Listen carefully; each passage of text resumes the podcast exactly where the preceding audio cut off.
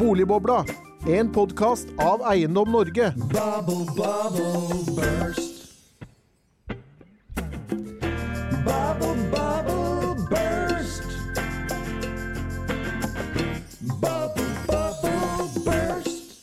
Hjertelig velkommen til en ny episode av Boligbobla. Denne gang om pengepolitikk, boligbygging og stabil produksjon og sysselsetting.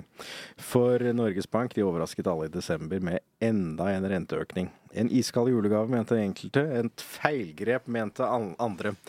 Det som i hvert fall er sikkert, er at Norges Bank gjennom 2023 har utviklet en ny tenkning rundt kronekursen og dens påvirkning på norsk inflasjon. Og det som også er sikkert, er at vi i 2019 fikk en ny sentralbanklov som ga Norge noe av et dualt mål, altså inflasjonsmålet og et mål om stabil produksjon og sysselsetting.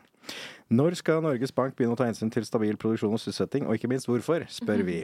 Og har Norge underestimert fallet i boliginvesteringene? For å ta oss gjennom dette temaet, så har vi fått med oss noen eh, flotte gjester. Eh, Tidligere Rustad Halvorsen, eh, takk som min agenda. Hjertelig velkommen til deg. Tusen takk. Og stortingsrepresentant Kari Elisabeth Kaski, hjertelig velkommen til deg. Tusen takk. Og ved min side så sitter jo du, Henning Lauritzen, sjef for boligprisene, som alltid. Men først så må vi begynne med boliginvesteringene. Fordi er det noe vi har jazzet mye om her på kontoret de siste ukene, siste månedene, må vi kanskje si, gjennom høsten, så er det at eh, det synes å være et eller annet feil med hvordan man måler boliginvesteringene. Hva er det vi har funnet ut av? Ja, hvis vi går tilbake et års tid, eh, ja, ti måneder, til, eh, til pengepolitisk rapport no, nummer én i 23, så eh, så ikke sentralbanken for seg at det kom til å være noe fall i boliginvesteringene i 24 i det hele tatt.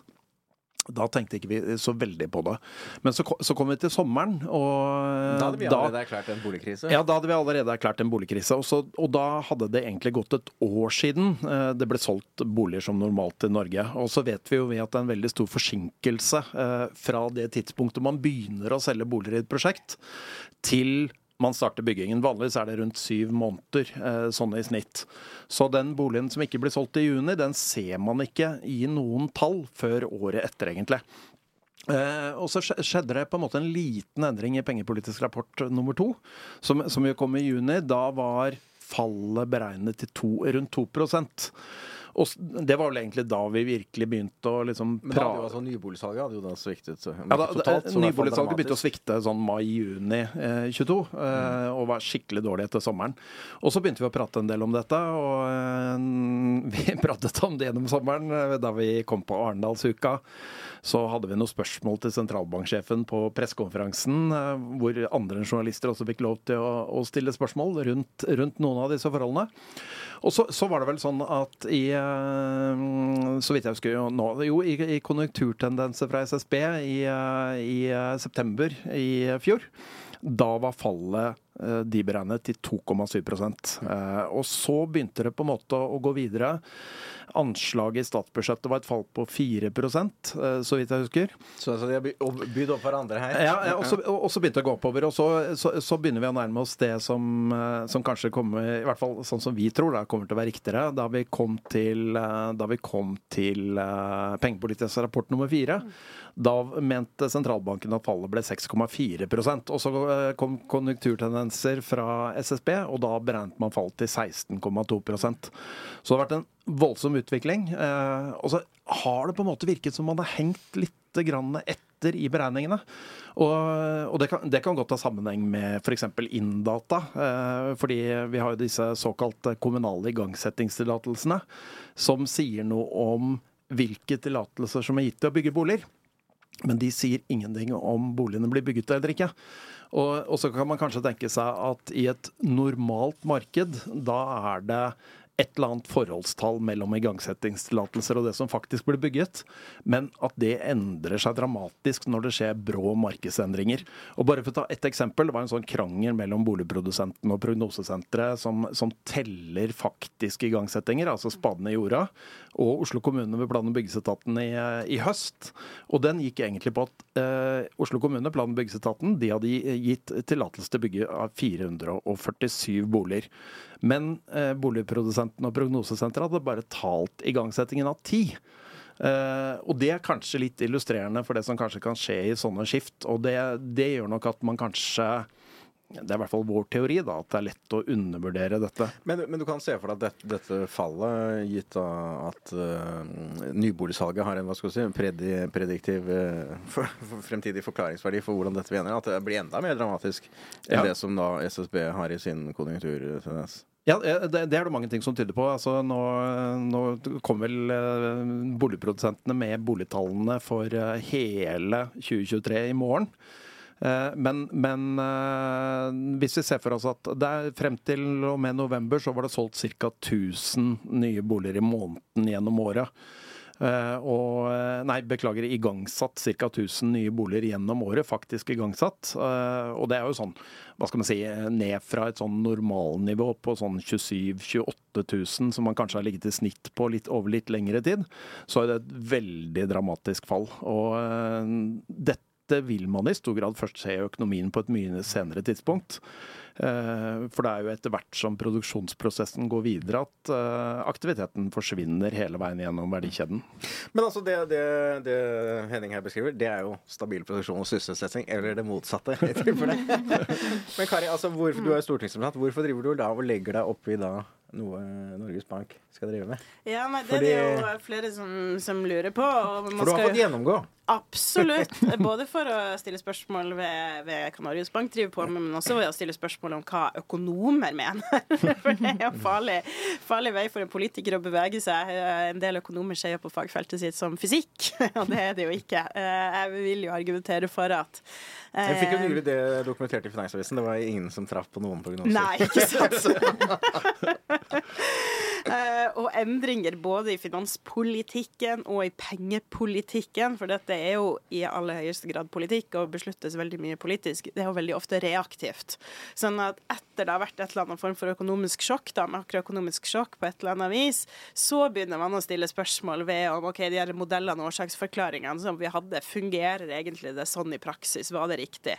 Sånn har det jo vært opp igjennom. Man har jo endra pengepolitikken mange ganger. Vi har gått fra gullstandard til valutakursmål, fast, ikke sant? fast eh, valutakurs, til eh, et inflasjonsmål som også har vært endra, sist nå i 2019. Så dette er jo noe som endres med jevne Og det dere enes vel også gjennom praksisendring, altså at Norges Bank selv også endrer Ja, ikke sant? Og at det endrer seg også i den offentlige debatten, særlig i utlandet, vil jeg si. ikke sant? At man, eh, du ser praksisendringer og, og liksom eh, faglige skift da, i debatten. Det har vi jo sett veldig sånn i kjølvannet av finanskrisa også. At plutselig så har sentralbanken, eh, både i Norge og ikke minst i utlandet, i flere land, da, tatt helt andre roller enn det man trodde var mulig på, på hvilke typer virkemidler de har til rådighet i pengepolitikken.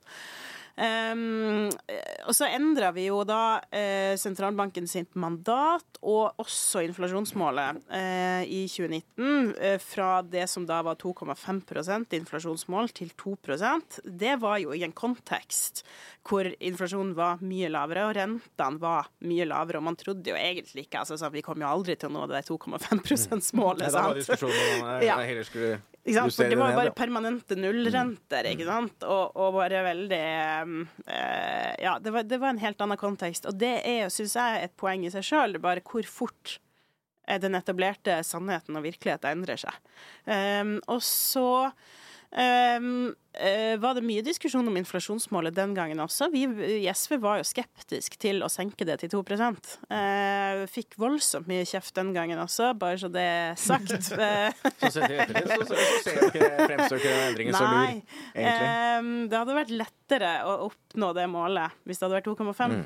Men det, igjen, da, så er det jo sånn det kunne også gått andre veier. Altså, sånn, men jeg er jo bare sånn opptatt av at vi må ikke framstille økonomifaget eller liksom de økonomiske sannhetene her da, som en sånn herre svar med to streker under. For det er så mye som endrer seg som vi ikke, eh, som vi ikke kan eh, forutse. og Derfor så bør det være en levende debatt. Og det andre vi gjorde i mandatet, var jo å legge til sant, at det både sentralbanken skal sikre den stabile og lave inflasjonen, eh, men òg ta hensyn til eh, stabil og høy produksjon og sysselsetting. Ikke sant? Sånn at det er et Og det var jo bredt flertall i todelt mål. Stortinget som støttet det. Ja, gjennom flere behandlinger, faktisk, eh, så ble det slått fast eh, fra Stortingets side, deriblant også eh, dagens regjeringspartier, særlig Arbeiderpartiet, men også daværende finansminister Siv Jensen, som, som understreka det fra Stortingets talerstol. Altså, det var jo strengt tatt ganske ukontroversielt. altså, Ja, det sant. Sånn, konsensus, vil jeg Ja, egentlig si. det vil jeg si. Um, og så um, uh, tenker jeg at det er liksom viktig at Nettopp fordi at Stortinget behandla det sist, og vi hadde flere behandlinger, og vi hadde en bred debatt om det, selv om det kanskje ikke nådde avisforsidene den gangen, så skjedde det. Eh, og da er det jo viktig når vi står i den situasjonen hvor vi står i nå, som er unik. Vi har ikke vært i en sånn type situasjon, vil jeg påstå, før, da, selv om mange henviser til 70-tallet og sånn, så mener jeg betydelige vesensforskjeller med dagens inflasjon og dagens situasjon. Så er det veldig viktig at vi har en pågående og aktiv politisk debatt om både hva er det sentralbankens mandat er, og hva er det som skjer akkurat nå. Hva ønsker vi framover, da. Um, og så får jeg heller tåle at det, det blir en del sinte stemmer, både politisk, men ikke minst blant fagøkonomer. Ja, du, fikk som du, du pådro deg noen sinte innlegg ja, her sist uke. stadig, stadig vekk. Men, men Tiril, altså, du, du representerer vel også strengt tatt tankesmien agenda her, så du kan jo tenke fritt eh, rundt dette. Men altså, det du har vært opptatt av, det, det er jo det vi, vi er kanskje mest opptatt av boliginvesteringene, men altså, det henger jo sammen med sysselsetting. Altså, hvorfor skal sentralbanken være opptatt av det? Sysselsettingen. Mm. Eh, jo, altså Nå er jo det, som Kari Elisabeth var inne på, kommet veldig inn i mandatet deres. Så det er jo en, den rene sånn formelle grunnen til at de skal være opptatt av det. Eh, og så vet vi også at eh, ja, inflasjon kan ha skadelige effekter på økonomi, men, eh, men arbeidsledighet eh, kan også ha veldig store og langvarige eh, effekter på norsk økonomi. Eh, vi vet at eh, en av ti av de som mistet jobben under pandemien, kommer sannsynligvis ikke inn i, inn i jobb igjen. Så det har veldig sånn lang, langvarige negative effekter på, på norsk økonomi, da, som, som gjør at eh, er en av grunnene til at politikerne da, som setter mandatet til Norges Bank, eh, fikk, fikk, inn, fikk inn det. da, At det er negative sider både med eh, inflasjon, men også med ledighet, eh, som jo ofte er konsekvensen da, av den politikken som ofte føres mot inflasjon, fordi man antar at det er et bytteforhold her mellom, prisvekst og, og Altså, så, sånn historisk i, i økonomifag, jeg husker da jeg gikk på universitetet, så var det noen som snakket om naturlig ledighet.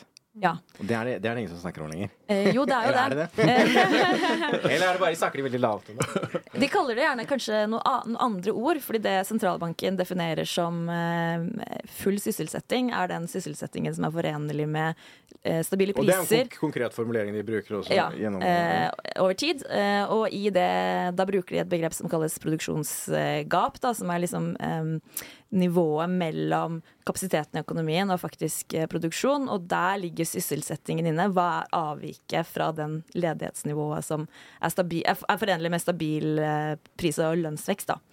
Um, så, så, så det er jo noe av vært kritikken eh, mot Norges Bank, at de lener seg på en sånn, sånn type definisjon av uh, ledighet. Så har å si, det, det, er, det, er, det er egentlig naturlig ledighet, det de snakker om der? eller? Ja.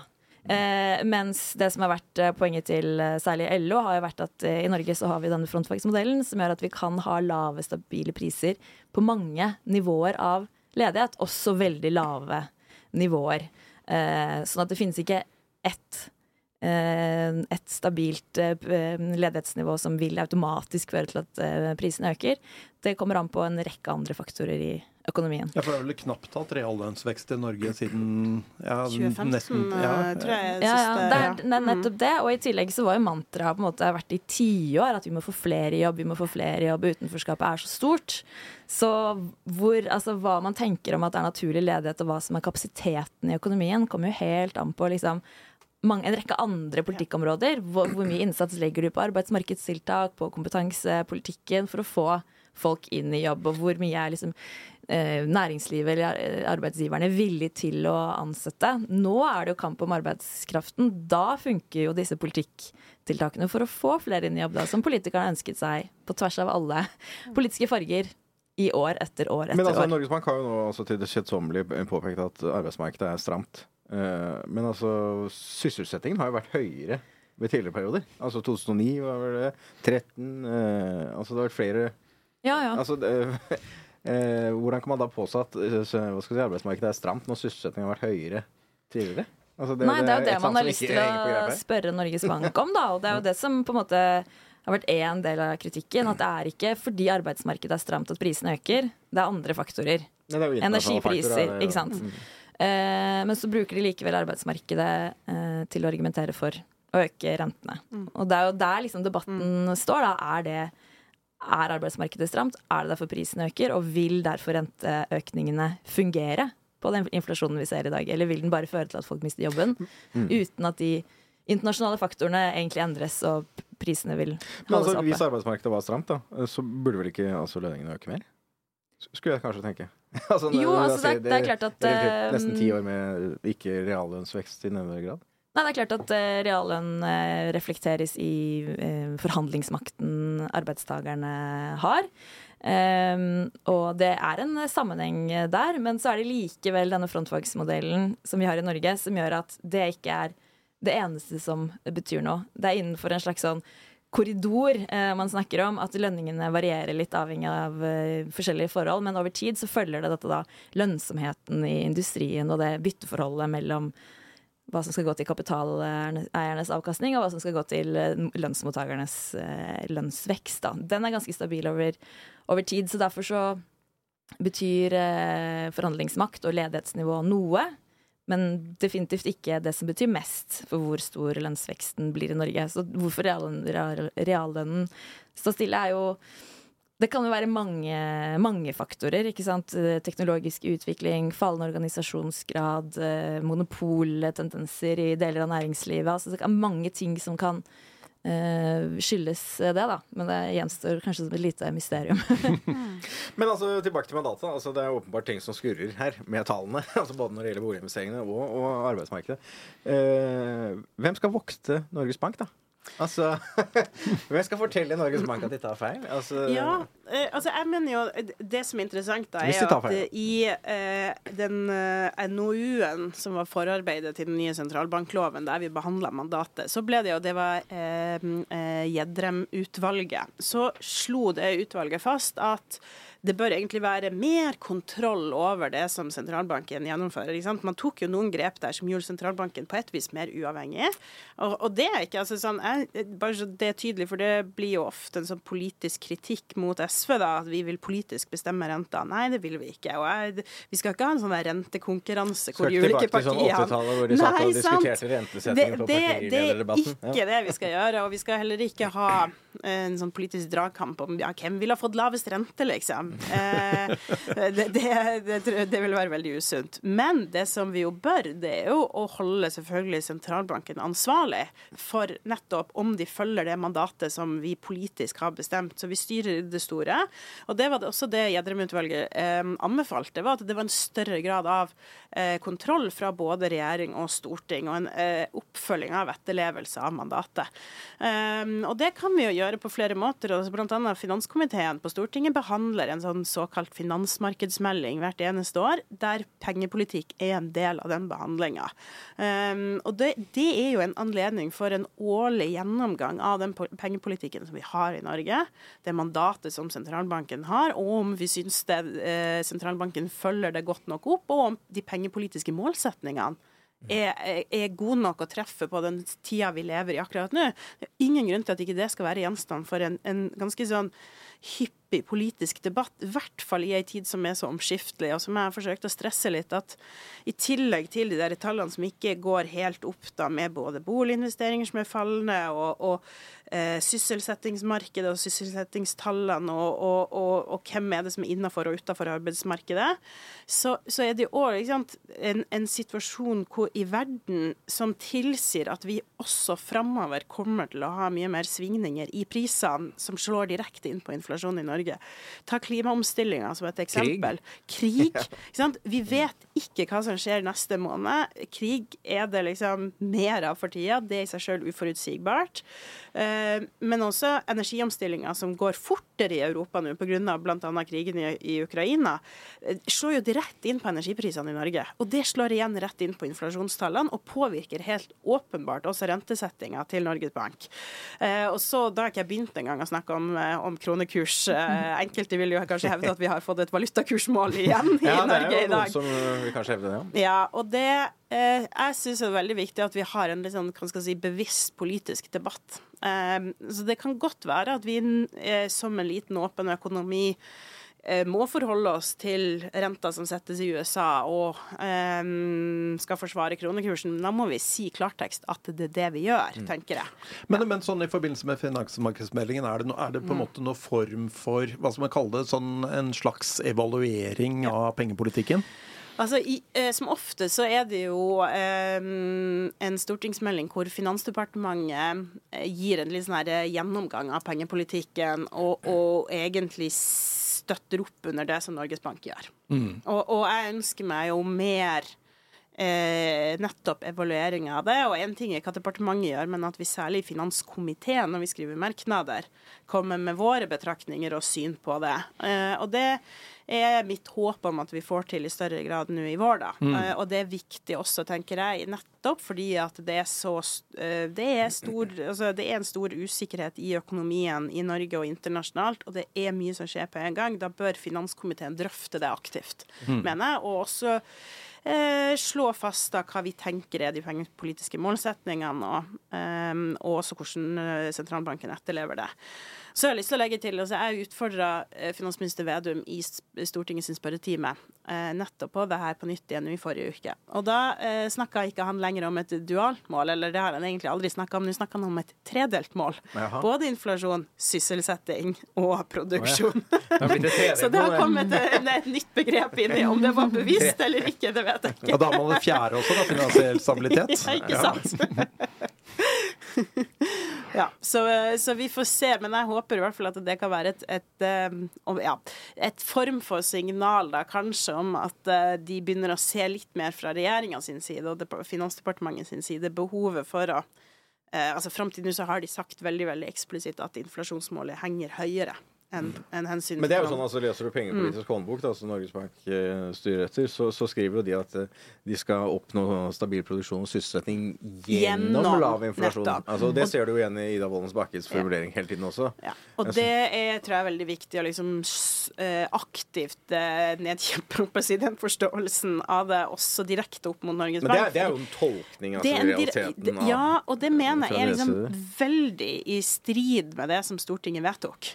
For det mener jeg det kan ikke misforstås, ikke sant? hva som var hensikta bak det. Nettopp fordi at man jo drøfta den der iboende motsetninga mellom eh, høye renter og stabil produksjon og sysselsetting. Og, og det var jo litt av fundamentet for, for de, de vedtakene som ble fatta fra Stortinget. Mm. Henning, burde dette lovprøves? Nei, det tror jeg, nei, det tror jeg ikke. Jeg tror, jeg tror dette er et spørsmål veldig langt utenfor uh, for jussen. Men eh, det å ha en ordentlig diskusjon om det, altså f.eks. hvis finanskomiteen hadde systematisert dette, det, den typen ting, tror jeg ville vært veldig sunt rundt akkurat disse spørsmålene.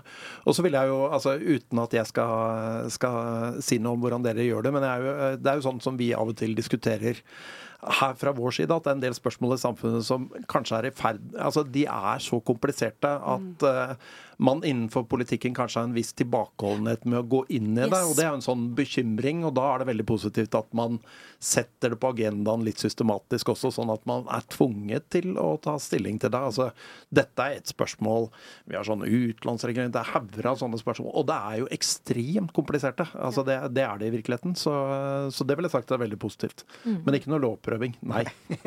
Men vi burde kanskje hatt en professor som i økonomi, som er politikersnært? Jeg vet ikke. Ja, det- kanskje det. Det, det var for, det foreslått i Sverige at man skulle ha noen sånne der, eh, mer sånn formelle og jevnlige møter mellom sentralbankmiljøer og politikere, nettopp for å på en måte snakke igjennom, fordi det er kompliserte, vanskelige ting som politikerne ikke nødvendigvis har eh, kompetanse til å skjønne helt. Da. Så liksom for å øke forståelsen og ja, kontrollen kanskje også andre veien. Men, men Tiril, hva, hva- hva tenker du liksom eh, Hva skal til nå? Nå vet vi det var en pengepolitisk rapport som kom i desember. Det var liksom ikke så veldig mye endring, egentlig. Eh, hva skal til for at da Norges Bank endrer retning, da? Altså La oss si fremskynde rentenedsettelse, f.eks. Er det sysselsetting, da? Er det boliginvesteringene, eller hva? Altså, jeg tror Hvis man begynner å se eh, kraftige økninger i ledighetstallene Hva, hva er kraftige eh, ja. i ledighetstallene? Godt spørsmål. Eh, det vet jeg ikke om eh, noen prosentpoeng, eh, liksom. Men jeg tror, jeg tror det er en del mørketall i, i ledighetsstatistikken. Flere av de jeg kjenner som har mistet jobben, har jo aldri meldt seg til Nav ennå. Mm. Eller i hvert fall ikke ennå. Eh, Så det, dette tar jo tid, akkurat som du var innom i sted på boliginvesteringene.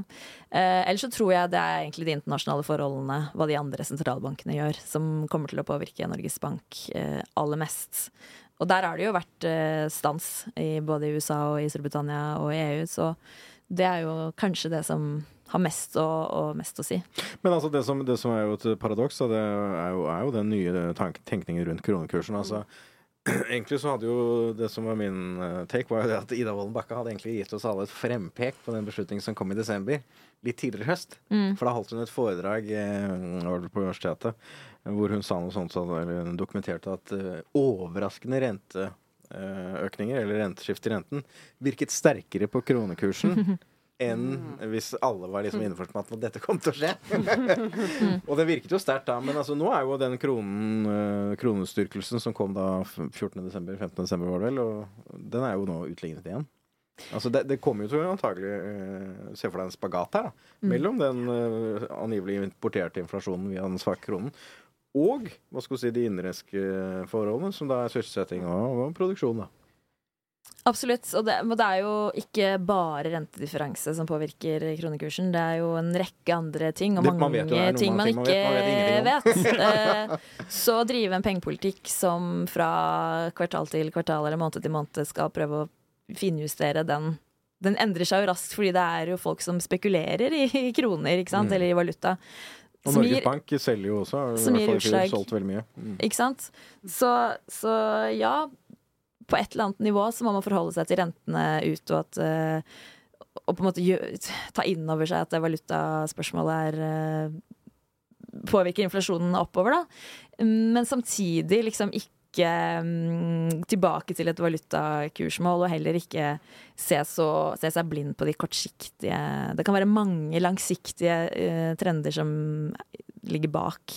Kronesvekkelsen har jo styrket seg sant, fra oljealderen og fremover, og så har den svekket seg langsomt da, eh, de siste tiårene. Så dette er jo lange trender, og ikke noe 0,25 på renta nødvendigvis eh, fra den ene måneden til den andre kan, kan gjøre noe med, da.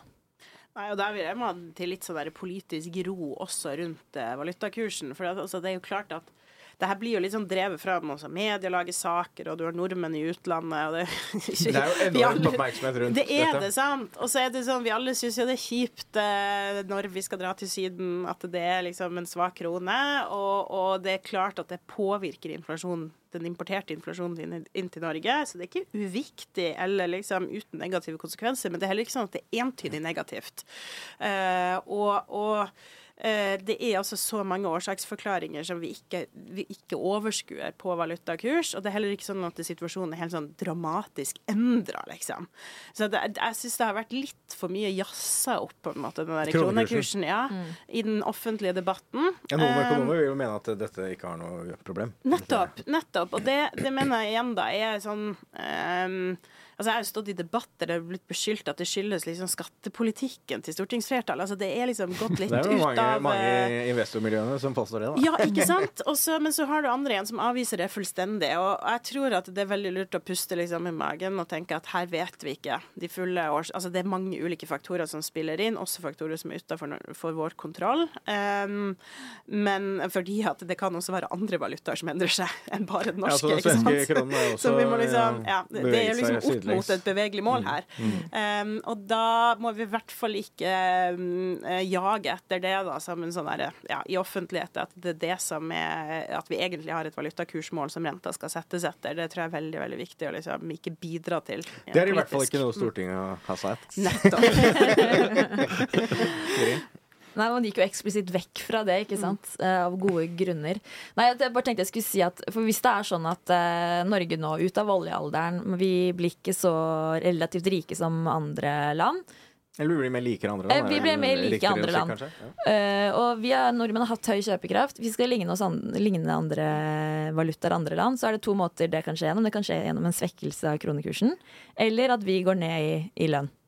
Så jeg ville jo sagt altså, bedre råd ute i utlandet eller bedre råd hjemme. Jeg vil be, heller ha bedre råd hjemme enn når jeg er på ferie.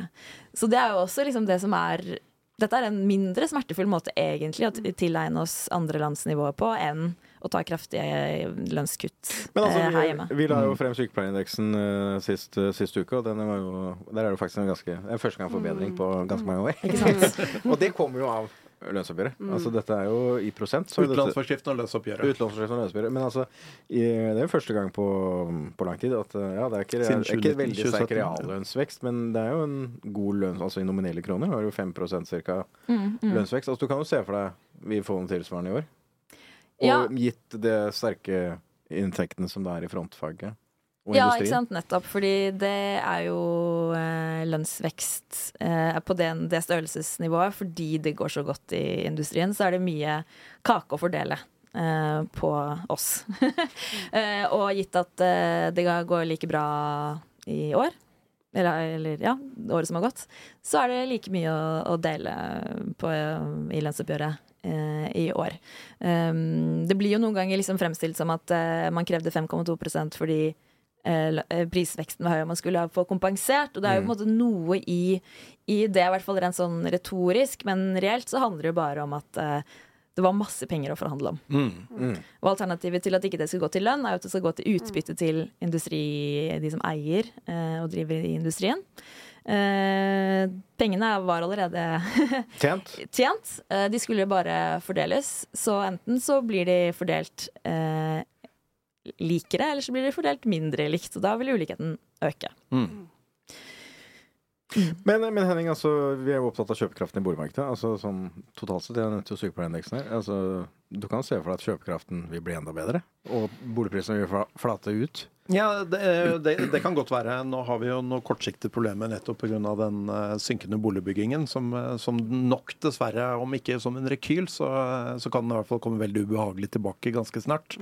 Men hvis vi ikke hadde hatt det som en del av situasjonen, så kunne vi nok fort sett for oss at vi eh, fikk den situasjonen. Eh, og en, Uh, en mer sånn moderat utvikling i, i boligmarkedet, og ganske stabilt boligmarked. Men, men som sagt, eh, når boligbyggingen nå bremser opp flere år på rad, så er jeg veldig redd for at vi får en ja, et ubehagelig boligmarked i litt i 25, veldig mye i 26 Men, og men du, 27. du nevnte jo da på, på introen her at du hadde stilt da Ida Woldenbach eh, spørsmål på, på i Arendalsuka på hennes pressekonferanse var åpen for andre enn Ja, også ja. Eh, og altså, Dette er jo også et spørsmål om finansiell stabilitet, var jo ditt poeng. Fordi Ja. at eh, Knuser du hva skal du si, boliginvesteringene nå, så bygger du opp for eh, ubalanser siden. Ja, Det er jo på en måte de historiske erfaringene som skremmer litt med finanskrisen, brems i boligbyggingen, eh, og så for så vidt en situasjon hvor det tar veldig lang tid før boligbyggingen er tilbake på fullt nivå. Først får du en veldig dramatisk dump, og så har bedriftene tapt kompetanse. De har eh, mye svakere økonomi når de går ut enn da de gikk inn, så det er ikke full fart igjen på flere år.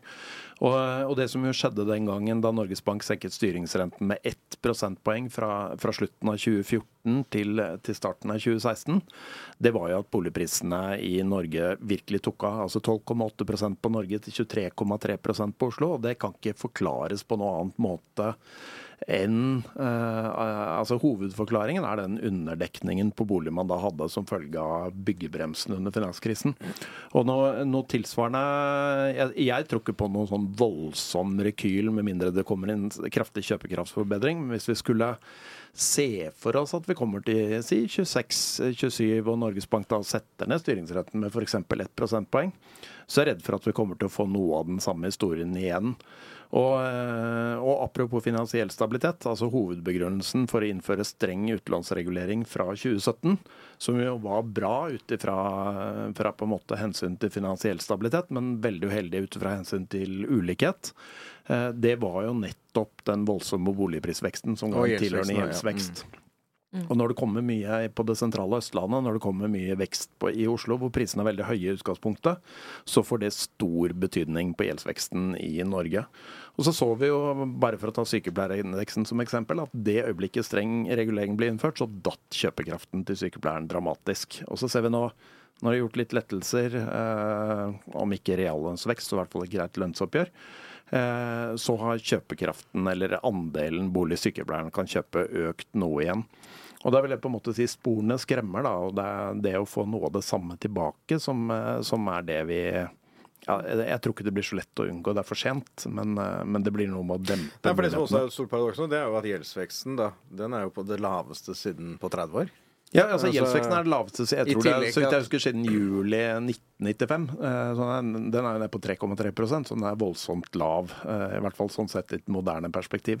Men, men altså mm, Gjeld er jo også investeringer. Altså i næringslivet, eller bolig for den saks skyld. Altså, Ja, ja. eh, vi kommer vel egentlig inn i en situasjon her som er, kommer til å bli ganske ustabil uansett. Ja, årene jeg, fremover? jeg tror ikke det går an å unngå en situasjon hvor det i hvert fall blir en underdekning på boliger i forhold til behovet. Og, eh, og da er det jo litt på en måte noen steder tatt ut på pris, andre steder tas det ut på ja, eh, at folk bor mer kummerlig, da, lenger kanskje. Altså lenger i kollektivet osv. Det tar lengre tid før du kommer inn på markedet. Men altså, Det blir nok å kontrollere her i finansmarkedsmeldingen. Men altså, du nevnte jo da Gjedrem eh, og sentralbanklovutredningen da den kom. Eh, Det han også foreslo, som var mye mer eh, si, eh, omfattende enn det som ble realiteten, det var jo å legge ned representantskapet. Det var jo å sjalte ut Norges Bank, nei, oljefondet fra Norges Bank. Mm. Og rendyrke hva skal si, sentralbankvirksomheten til, til Norges Bank, og ikke bare kapitalforvaltningen. Eh, Sånn sett i ettertid hadde han egentlig rett. Ja. og burde man egentlig hørt mer på? Eh, Ja, altså Altså, SV støtta jo faktisk eh, tilbake i den tida en, en modell hvor eh, oljefondet ble lagt ut fra Norges Bank. Eh, men men vi, var, altså, eh, vi hadde nok sett for oss, eller ønska oss, en litt annen modell enn det som ble utreda. Og da var det liksom vanskelig å forfølge det, for hvis du skal gjennomføre en så stor reform, så må du liksom ha en NOU som ligger i bånn.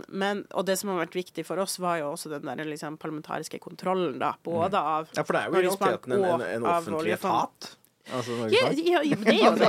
Det er jo det. Og Det det er er kanskje ikke politisk ukorrekt å si Eh, sånn, til folk som jobber i sentralbanken, men det er jo etat. eh, offentlig sektor. Nei, og det er jo ikke, sånn har det jo ikke alltid vært, liksom. Eller, eh, men men det, er- sånn er det jo i Norge, ikke sant? fordi at du har de der politiske mandatene som settes. Og, og der jo eh, Jeg tenker ikke sant, altså litt til den der diskusjonen i stedet, ikke sant? men for det er helt, jeg deler fullt og helt eh, synet på at sant, det er så mange ting, komplekse ting som skjer. Som, sant, det, det, politikk har blitt mye mer komplekst enn det det var for noen år- tiår siden. Virkelig. Og det ser du også i sakskompleksene som vi behandler. Det er bare å nevne altså, kunstig intelligens, liksom. Skal vi begynne virkelig å snakke om kompleksitet og helt Kanskje skal la kunstig intelligens gjøre Ja, ikke sant? rentebeslutningene? Ja, ja, ja, men altså det, det er jo en sånn type framtid her som vi ikke helt overskuer. Men da tror jeg da at i tillegg til å tilrettelegge for at eh, politikere skal hente inn mest mulig eh, informasjon for å forstå problemstillingene, så er jo vårt ansvar også å klare å vekte de ulike hensynene opp mot hverandre. Og det, det, det, føler jeg jo litt sånn når du står i de diskusjonene om f.eks. pengepolitikken, er det liksom viktig at én ting er de der liksom fagøkonomiske vurderingene, som jo for øvrig det er mange som har altså at det er ulike syn på, ikke sant? fordi at det nettopp ikke er fysikk.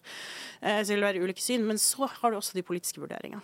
Og vi må liksom vekte de samfunnsmessige politiske vurderingene opp mot hva som er det faglige, økonomiske konsensusen eller vurderingene akkurat nå. Um, eh, herunder da eksempel at det er et, et politisk mål at færrest mulig skal være arbeidsledige, fordi at det har så store negative konsekvenser. Uh, det er et politisk mål å ha uh, så mye sysselsetting vi klarer uten å nettopp få en sånn liksom, inflasjon som drives internt i Norge, og som er skadelig for økonomien. Det er jo viktig, og det må vi unngå. Men da må vi, vi må liksom likevel eh, vektlegge de der ulike hensynene. Og det er særlig viktig i det tiåret vi er i nå, med så stor ulikhet. Det er et politisk mål å få ned den ulikheten. Og det henger veldig tett sammen med renter og bolig, for den saks skyld, som dere er inne på. Men òg når vi skal drive på med klimaomstilling. Og det er vanvittig store investeringer i økonomien framover for å lykkes med en omstilling vekk fra olja. Og det kommer, og energiomstillinga i Europa. Alt dette kommer til å gå rett inn i, i liksom nettopp kjernen av økonomisk politikk. Eh, og pengepolitikk og finanspolitikk eh, i sammenheng. Så vi må nødt til mye mer diskusjon om akkurat det. da. Og ikke bare tenke at vi er liksom der vi var for 10 eller 20 år siden. For det, det er et helt annet landskap framover akkurat nå. Altså, verden kan bare leves fremlengs, men må forstås baklengs. Ja, ikke sant? Og så må man forstå liksom, de der endringene som skjedde bakover i tid, og hva det betyr liksom, for den situasjonen vi er i nå. Ja. Nei, men dette var jo strålende kanskje avslutning på, på det hele. Eh, vi har en fast spalte som vi alltid avslutter med, og det er jo din første bolig. Hva, hva kjente du, hva følte du, hva betalte du eh, hvis du kjøpte eller leide?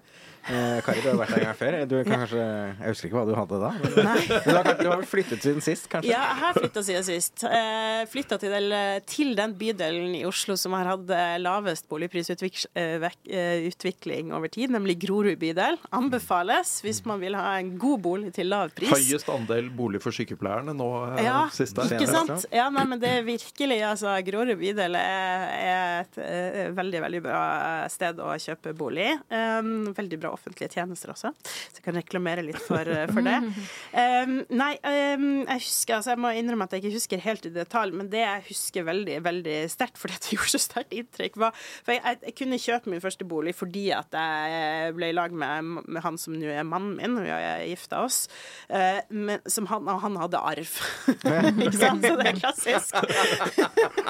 um, og så brukte jeg også altså, Det var liksom det delvis arv og at jeg kausjonerte i foreldrene mine bolig. Ikke sant? Igjen da det hjelper veldig å ha foreldre som eier bolig, etc., etc. Norges Vi hadde ikke klart det uten, nettopp, vi hadde ikke klart det uten foreldrebanken. Men så, da vi skulle selge Uh, dette var jo sentrumsbydelene i Grønland og Tøyen. Da hadde vi jo tjent samla mer enn en årslønn uh, på, uh, På bo. på bo. Og det husker jeg. Det her, var, det her er jo godt over ti år siden, men det gjorde så stort inntrykk.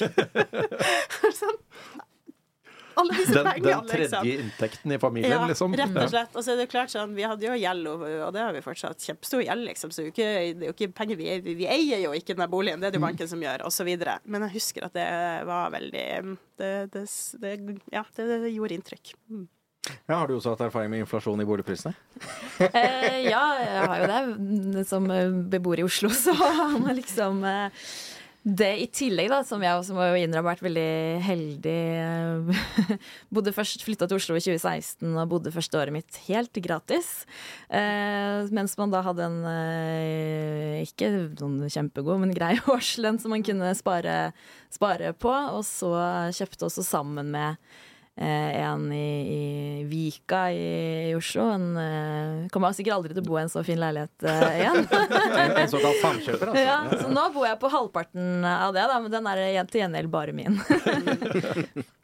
Så du er fornøyd med det, kanskje. Mer fornøyd med det.